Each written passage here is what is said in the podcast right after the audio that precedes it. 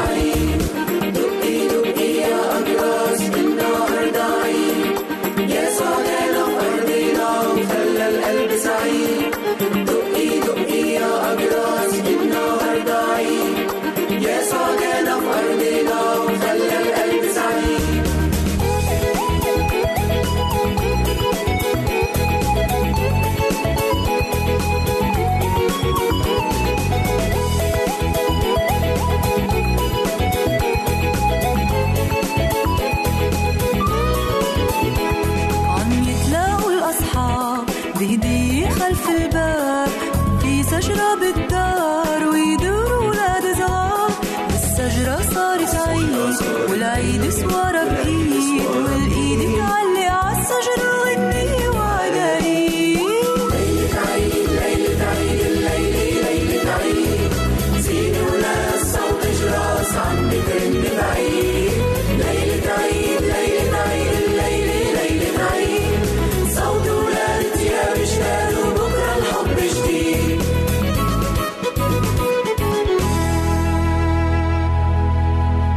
ألتقي بكم اليوم أعزائي المستمعين لأقدم لكم حلقة جديدة من البرنامج الأدبي دنيا الأدب حيث سنتكلم اليوم عن العصر العباسي وبعض المظاهر البارزة في هذا العصر نتمنى لكم أوقاتا طيبة.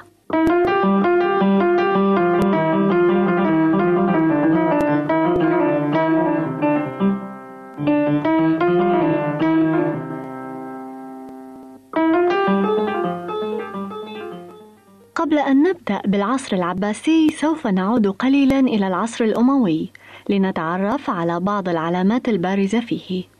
فقد عرف العصر الأموي كثيرا من الثورات السياسية التي كانت تهدف إلى انتزاع الحكم من بني أمية، ولكن هؤلاء تصدوا لها وخنقوها وتمكنوا من القضاء نهائيا عليها.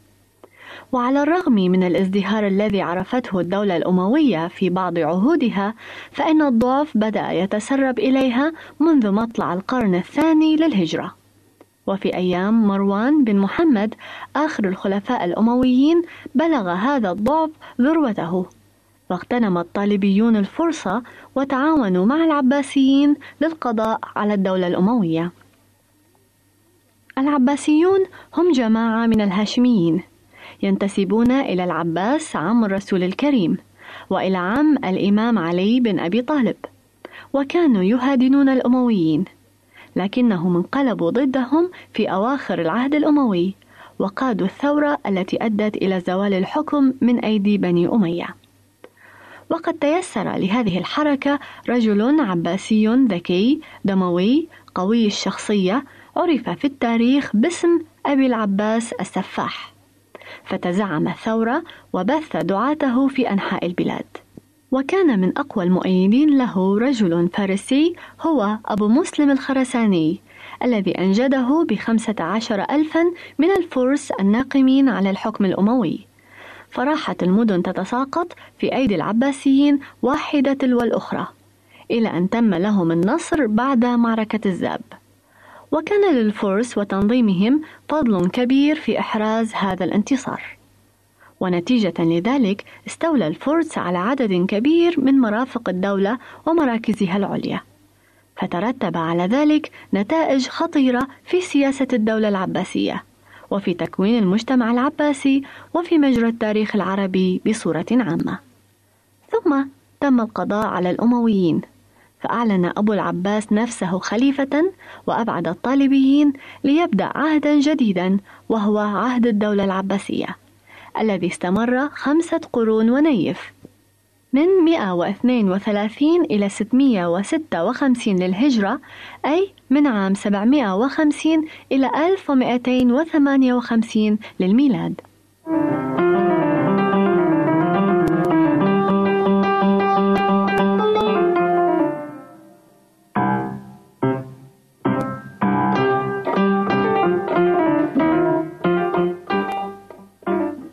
تقسيم العصر العباسي إلى أربعة أقسام تبعا للأحداث السياسية والنفوذ الأجنبي المسيطر وما حمله معه من خصائص وطوابع مختلفة. وبالرغم من تباعد السياسة وتقلباتها إلا أن الأدب لم يتأثر تأثرا عميقا بهذه الظواهر. والآن تعالوا معي أعزائي لنتعرف على أقسام العصر العباسي.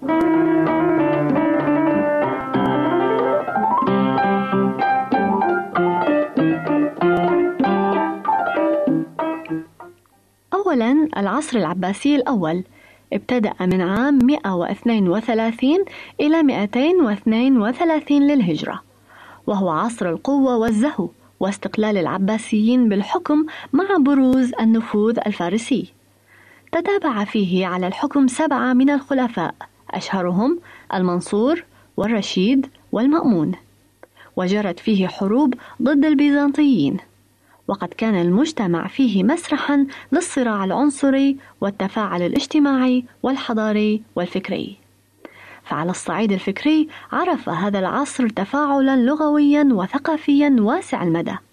تمازجت فيه الثقافات وازدهرت حركة الترجمة وعني الخلفاء والوزراء بالعلوم والآداب وأنشأ المأمون دار الحكمة. فكانت القناة التي حملت علوم الفرس واليونان والهنود إلى بغداد والخلافة العربية. أما الحياة الأدبية فقد استمرت في الازدهار شعرا ونثرا. فمن شعراء هذا العصر بشار بن برد وأبو العتاهية وأبو تمام. ومن كتابه ابن المقفع والجاحظ. ومن الرواة أبو عبيدة والأصمعي. ومن اللغويين الخليل بن أحمد الفراهيدي وسيبويه العصر العباسي الثاني. ابتدأ من عام 232 إلى 334 للهجرة. غلب عليه نفوذ الأتراك الذين استخدمهم المعتصم بن الرشيد ليدفع بهم نفوذ الفرس. فسيطر العبيد والغلمان والنساء وأصبحوا يتصرفون بمقدرات الدولة وموظفيها وحكامها. مما جعل الرشوة تنتشر بين المتنفذين للوصول إلى المناصب الكبرى. وفي تصوير هذه الحالة يقول الشاعر خليفة في قفص بين وصيف وبغى. يقول ما لقنه كما يقول الببغاء. لكن الحياة العقلية شهدت تطورا وازدهارا لأن الحركات الثقافية التي عرفها العصر العباسي الأول أخذت تؤتي ثمارها في هذا العصر. سواء ذلك في العلوم الرياضية والكيميائية والفلكية والطبية بالإضافة إلى الأدب والفلسفة.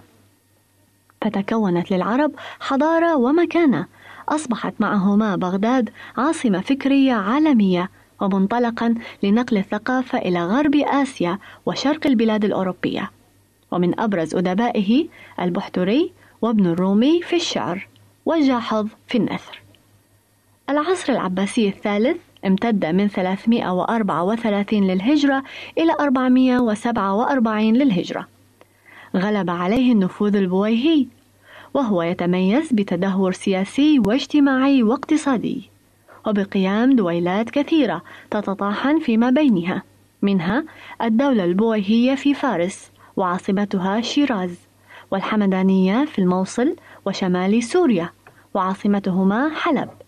الأخشيدية في مصر وعاصمتها الفسطاط والفاطمية في مصر وعاصمتها القاهرة. ومن أبرز أدباء هذا العصر المتنبي وأبو فراس الحمداني والشريف الرضي وأبو العلاء المعري. ومن الشعراء ابن العميد وأبو فرج الأصبهاني والقاضي الجرجاني. ومن الكتاب ابن سينا. أما العصر العباسي الرابع وهو امتد من 447 إلى 665 للهجرة فلم يبقى للخليفة من نفوذ في أخريات هذا العصر إلا السيطرة الإسمية على بغداد وما حولها وخضع فيه الخلفاء لنفوذ السلاجقة وهم من التركمان الذين سيطروا على إيران وآسيا الصغرى وقبضوا على زمام الحكم في العصر العباسي الرابع. وأبلوا بلاء حسنا في الحروب الصليبية. منهم نشأت دولة بني عثمان في تركيا. وأثناء هذا العصر قامت دولة الأيوبيين في مصر وسوريا. وقد انتهى العصر الرابع بسقوط الخلافة العباسية بأيدي المغول الذين هم سكان منغوليا اجتاحوا آسيا. ومن أشهر ملوكهم جنكيز خان وتيمور لينك وهولاكو.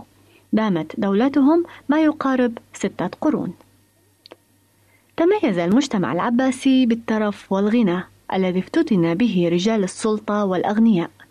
ومن مظاهره القصور التي كانت تشيد بالمرمر وتؤثث بالرياش الفاخر ووفرة الأواني من الذهب والفضة وكثرة الجواري وشيوع عادة اقتناء الغلمان وغيرها. أما الفقر والحرمان فقد انتشرا في أوساط العامة انتشارا. حدا بالشاعر أبا العتاهية إلى مخاطبة هارون الرشيد بقصيدة يمثل شقاء الناس فيها فقال من مبلغ عني الإمام نصائحا متوالية إني أرى الأسعار أسعار الرعية غالية وأرى الأرامل واليتامى في البيوت الخالية. من للبطون الجائعات وللجسوم العارية؟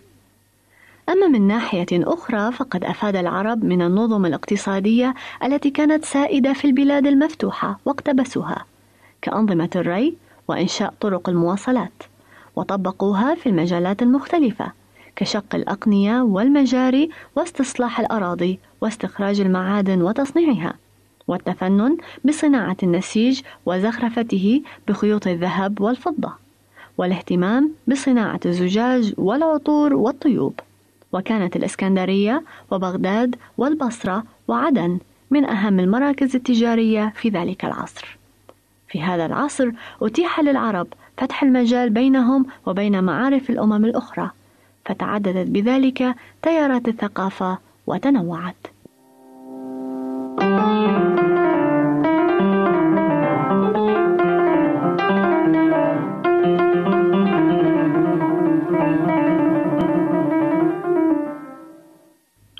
المستمعين قدمنا لكم اليوم في برنامج دنيا الأدب نظرة عامة عن العصر العباسي وأهم المعالم التي ميزته. حتى اللقاء القادم لكم من رغدة سليم كل الود والمحبة. عزيزي المستمع يمكنك مراسلتنا على عنواننا الإلكتروني Arabic at awr.org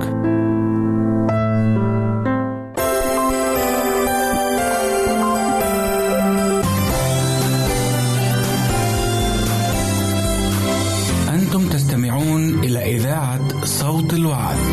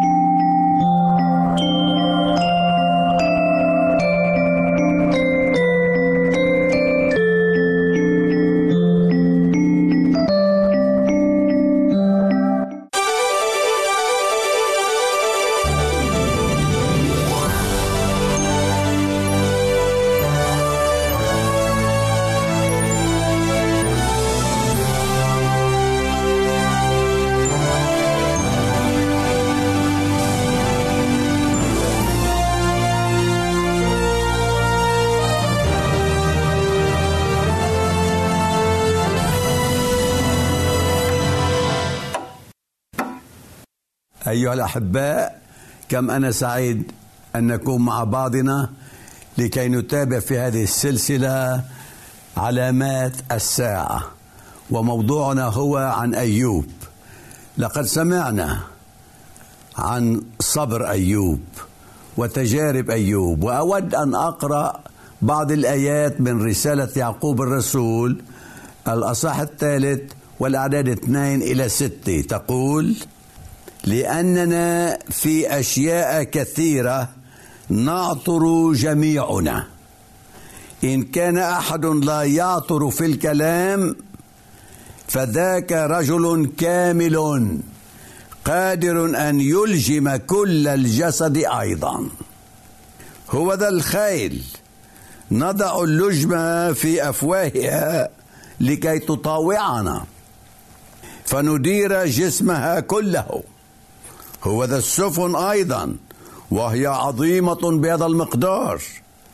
وتسوقها رياح عاصفة تديرها دفة صغيرة جدا إلى حيث ما شاء قصد المدير.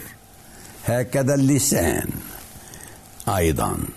هو عضو صغير ويفتخر متعظما. هو ذا نار قليلة أي وقود تحرق. فاللسان نار. عالم الإثم.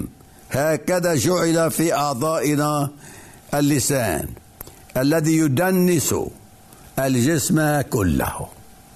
نعم أيها الأعزاء هنا يعقوب الرسول يقول لنا بأن اللسان عضو صغير في الجسم لكنه يدنس الإنسان كله. والآن مع بعضنا سندرس عن أيوب وتجاربه فنأتي إلى أيوب الأصاح الأول من وهنا نجد ما يذكره. في العدد السادس أقرأ ما يلي. أيوب الأصح الأول والعدد السادس. وكان ذات يوم أنه جاء بنو الله ليمثلوا أمام الرب. وجاء الشيطان أيضا في وسطهم. فقال الرب للشيطان من أين جئت؟ فأجاب الشيطان الرب وقال من الجولان في الأرض ومن التمشي فيها. فقال الرب للشيطان هل جعلت قلبك على عبد أيوب لأنه ليس مثله في الأرض؟ رجل كامل ومستقيم يتقي الله ويحيد عن الشر. هنا كان اجتماع في السماء. الله مع بنيه والذي حضر فيما بينهم هو إبليس الشيطان. نشكر الله بأنه عندما صلب المسيح لا يقدر الشيطان فيما بعد أن يذهب إلى السماء وسيوضع حد له عندما يأتي المسيح ثانية فينتهي الشر ومبتدئ الشر الشيطان. إنما في ذلك الاجتماع حضر الشيطان في وسطهم. فسأله الله من أين أتيت؟ قال من الجولان في الأرض. عندما خلق الله أبوين الأولين ووضعهم في الجنة سلطهم على كل شيء.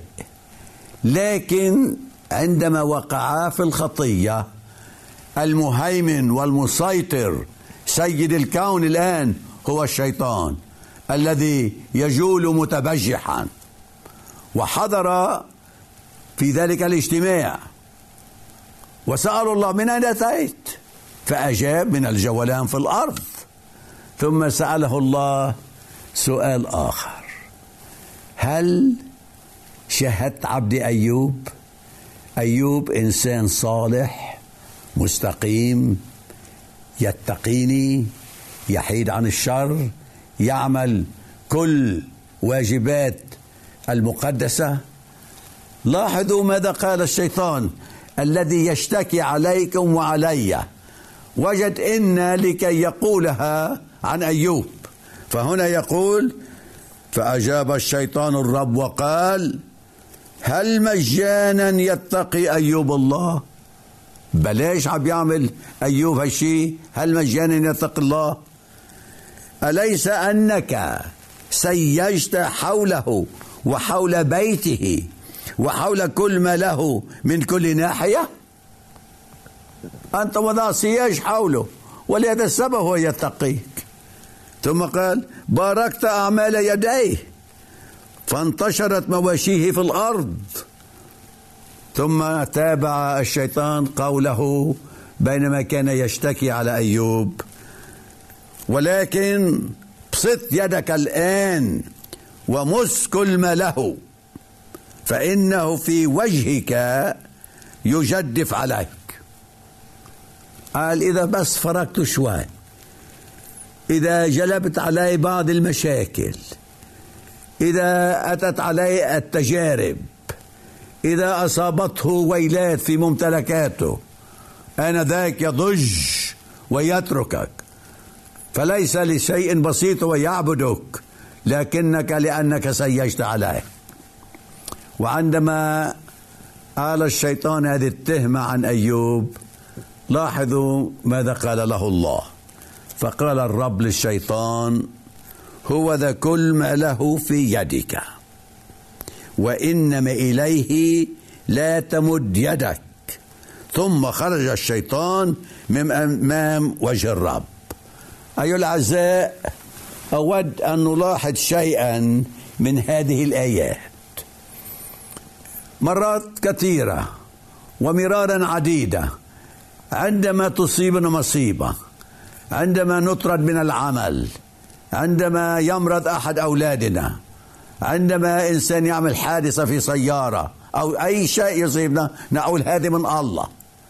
أيها الأعزاء أريد أن ننتبه الله لا يجلب إلا الخير. الله يسمح بأن نصاب في بعض التجارب وبعض المشاكل. هو لا يجلبه علينا. الذي يجلب هذه الويلات وهذه المصائب هو الشيطان. الله يضع حدود. كم يقدر الشيطان أن يتمادى؟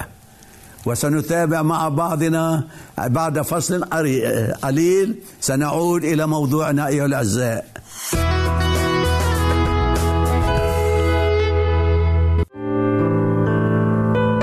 عزيزي المستمع يمكنك مراسلتنا على عنواننا الإلكتروني.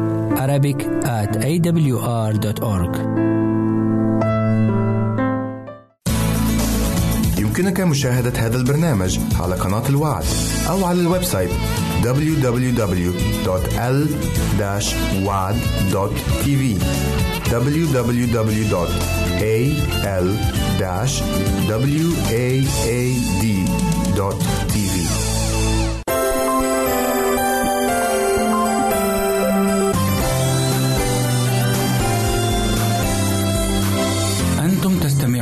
إلى إذاعة صوت الوعد.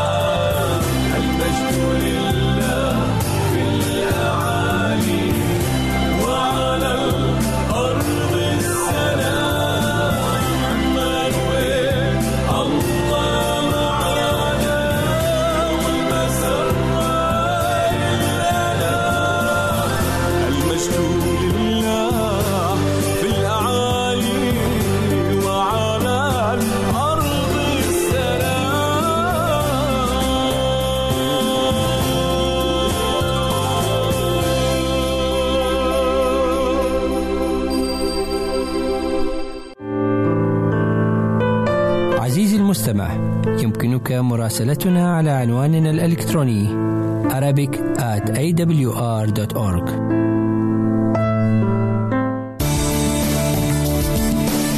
أنتم تستمعون إلى إذاعة صوت الوعد.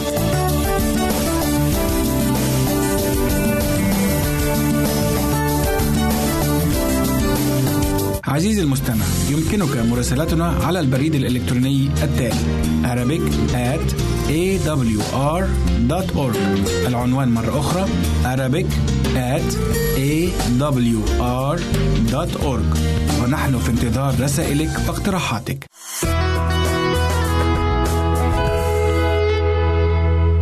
نعود أيها الأعزاء إلى موضوعنا عن أيوب وتجاربه.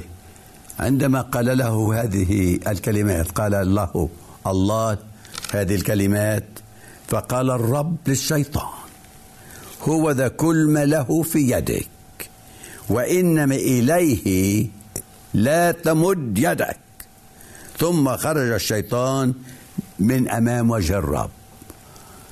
الله سمح له بأن يجلب الويلات على ممتلكاته وضع له الله حدود.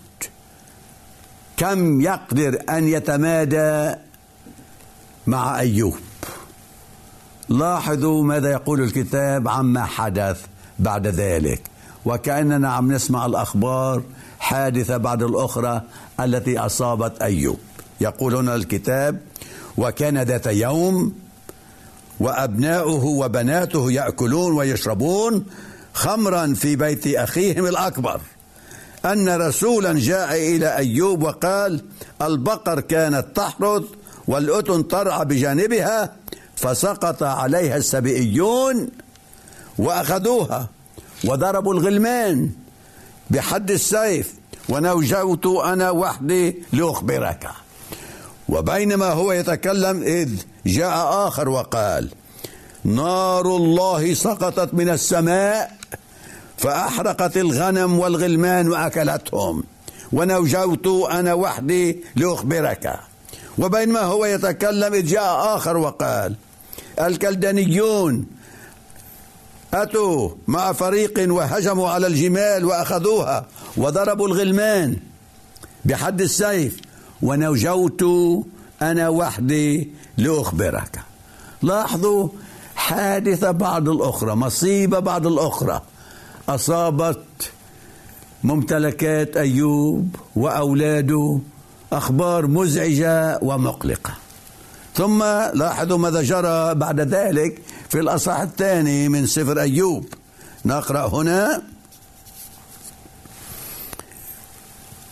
وكان ذات يوم أنه جاء بنو الله ليمتلوا أمام الرب. مرة ثانية أولاد الله بنو الله أتوا ليمتلوا أمام الله ومن حضر فيما بينهم يقول لنا الكتاب وجاء الشيطان أيضا في وسطهم ليمتل أمام الرب.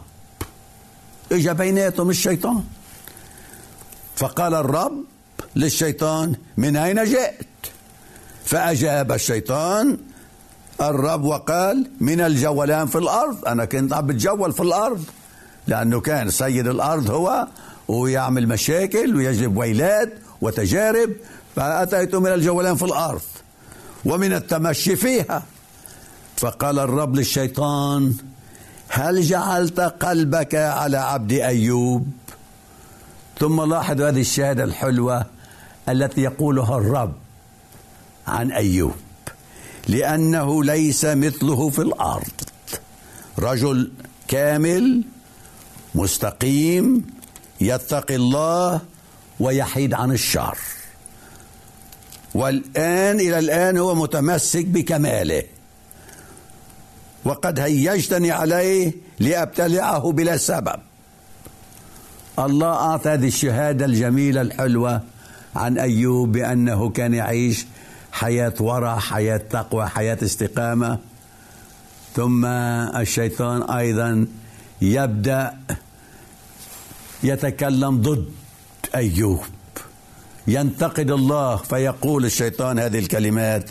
فأجاب الشيطان الرب وقال جلد بجلد وكل ما للإنسان يعطيه لأجل نفسه. ولكن أبسط الآن يدك ومس عظمه ولحمه فإنه في وجهك يجدف عليك. كما نقول الإنسان عندما بيخسر مال وبيخسر أراضي الإنسان هو اللي بيعملها بيقدر يعوض عنها. وهكذا نفس الشيء قال الشيطان قال جلد بجلد. هذه الأشياء يلي خسرها أيوب بيقدر يستعيدها. لكن مس جسمه مس جسده. اسمح أن تأتي عليه بعض الأوجاع والأمراض آنذاك. سيتركك وسيشتمك وسيلعنك وسيعمل. كل ما هنالك ضدك. الله أجاب الشيطان وقال فقال الرب للشيطان ها هو في يدك ولكن احفظ نفسه. سمح مرة أخرى أيها الأعزاء. الله للشيطان كي يجرب أيوب. يجلب عليه بعض الأمراض. لكن قال لا تميته احفظ نفسه. فذهب الشيطان ولاحظوا ماذا فعل. فخرج الشيطان من حضرة الرب وضرب أيوب بقرح رديء من باطن قدمه إلى هامته. أمراض أصابت أيوب. فابتدأ أيوب يتعذب فأخذ لنفسه قماش لكي يحتك به وهو جالس في وسط الرماد.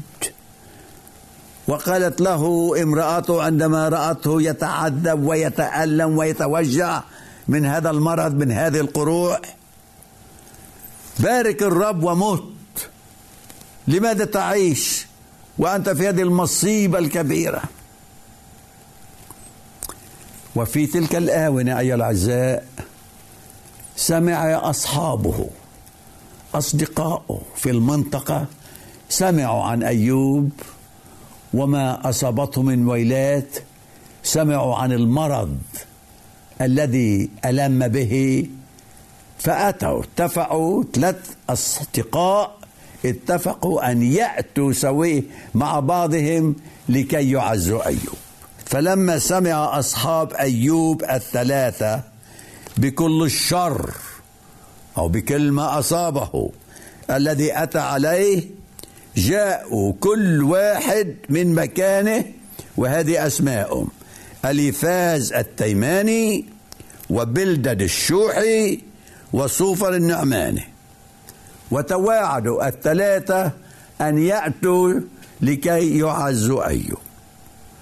ومن بعيد. عندما اقتربوا من بيته ابتدوا يبكوا. لكن شيء آخر عملوه كأنهم دارسين علم نفس وصلوا ما حكوا ولا كلمة إنما جلسوا. أيها الأعزاء يا ريت انتهت قصة الأصدقاء بهالوضع. سنتابع بعد فصل قليل هذا الموضوع عن أيوب وتجاربه.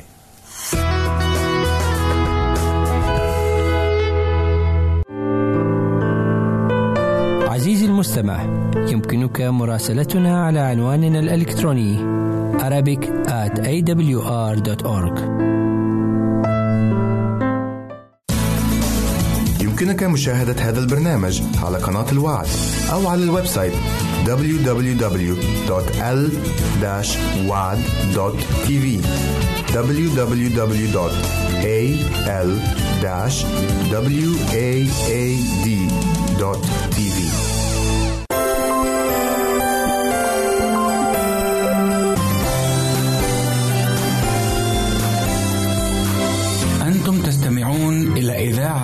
صوت الوعد.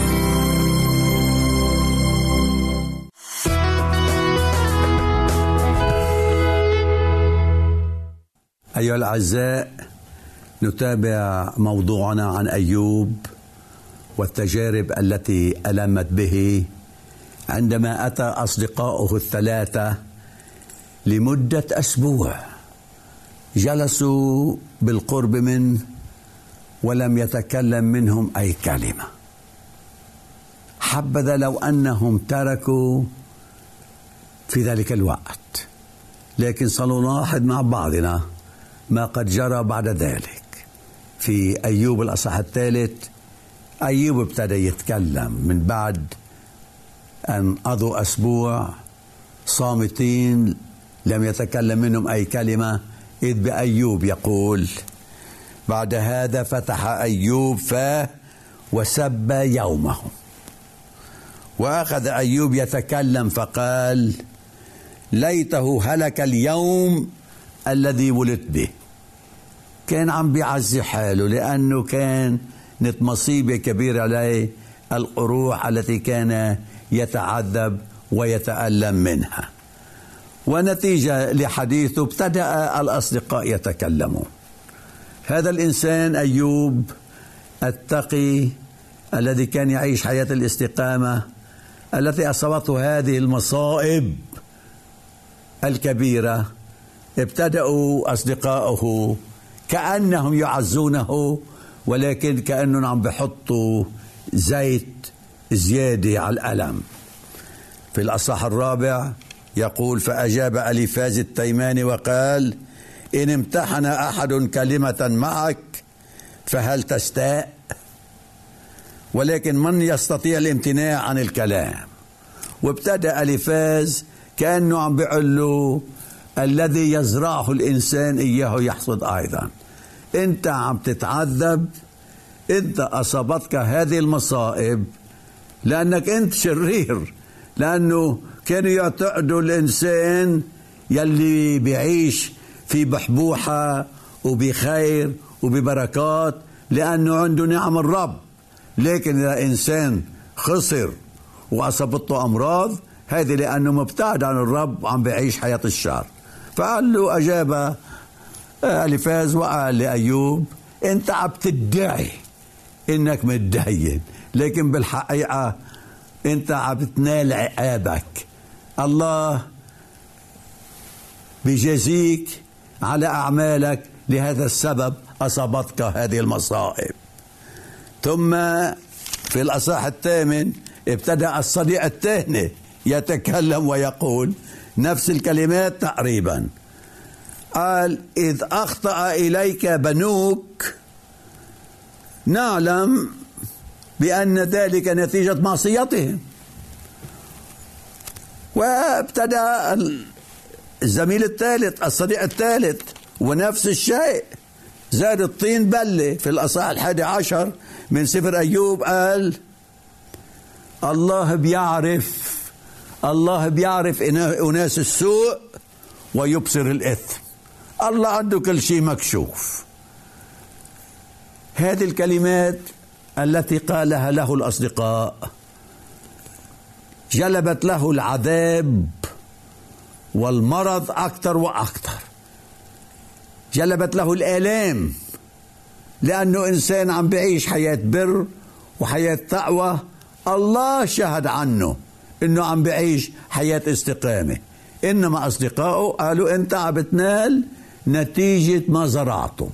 أنت زرعت الشر فعم تحصد هالأمراض يلي التي أصابتك. لاحظوا كلمات أيوب التي فيها أجاب هؤلاء الزملاء. يقول أيوب هنا أنتم ملفقو كذب. أنتم كذابين أنا بمشي باستقامة مع الله. والله بيسمح أن أجرب بهذه كلها لكنني سأبقى أمينا له. ثم أيضا قال أيوب في مكان آخر في سفر أيوب قال معزون متعبون كلكم كلكم عم بتعذبوا عم تتعبوني. يا ليتكم ما جيتوا. فكرتوا تعزوني لكن عم تزيدوا عم تزيدوا المشاكل علي والتعب والعذاب. ثم أيضا قال أيوب إذ أجابهم قال هذه الكلمات حتى متى؟ حتى متى تعذبون نفسي وتسحقونني بالكلام هذه عشر مرات أخزيتموني. لاحظوا كيف كان يعاتبهم على جملهم على كلامهم الذي فكروا بأنهم كانوا يعزونه لكن كانوا يتعبونه أكثر فأكثر.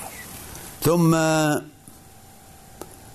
أيوب قال هذه الكلمات إذا جربني أخرج كالذهب ما أجمل هالجمل إنه حتى هالمصائب التي أصابته.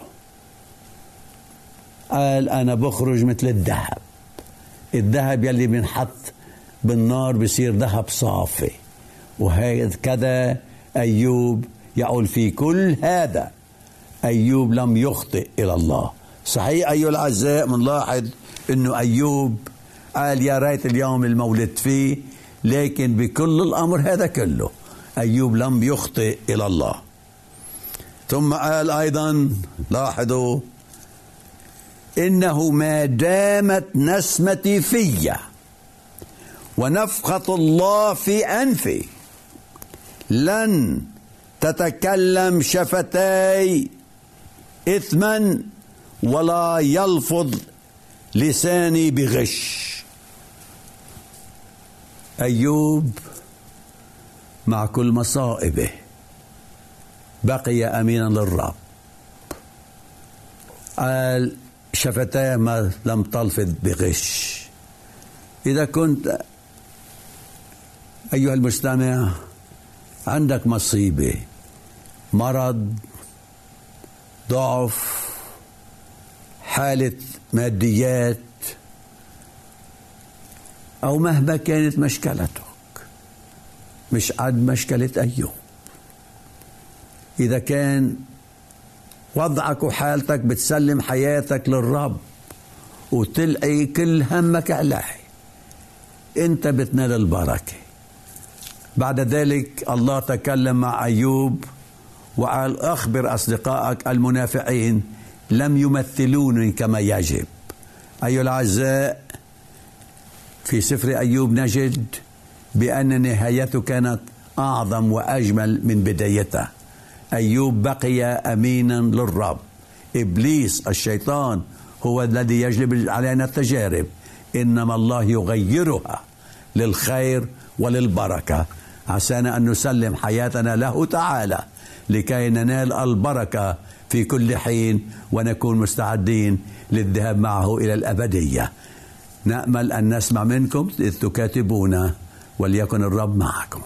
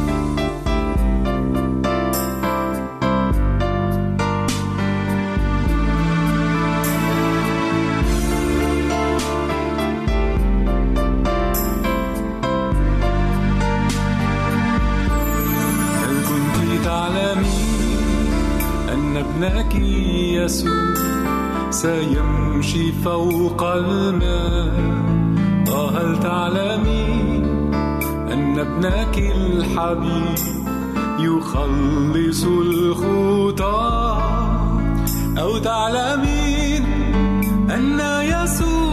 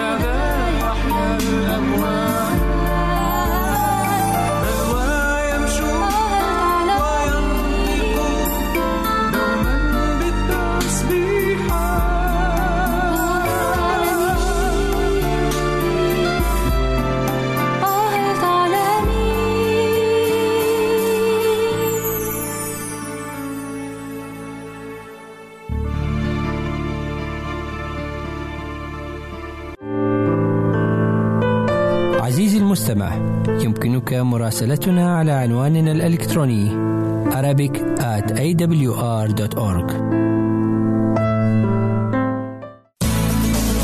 يمكنك مشاهدة هذا البرنامج على قناة الوعد أو على ال website www.al-wad.tv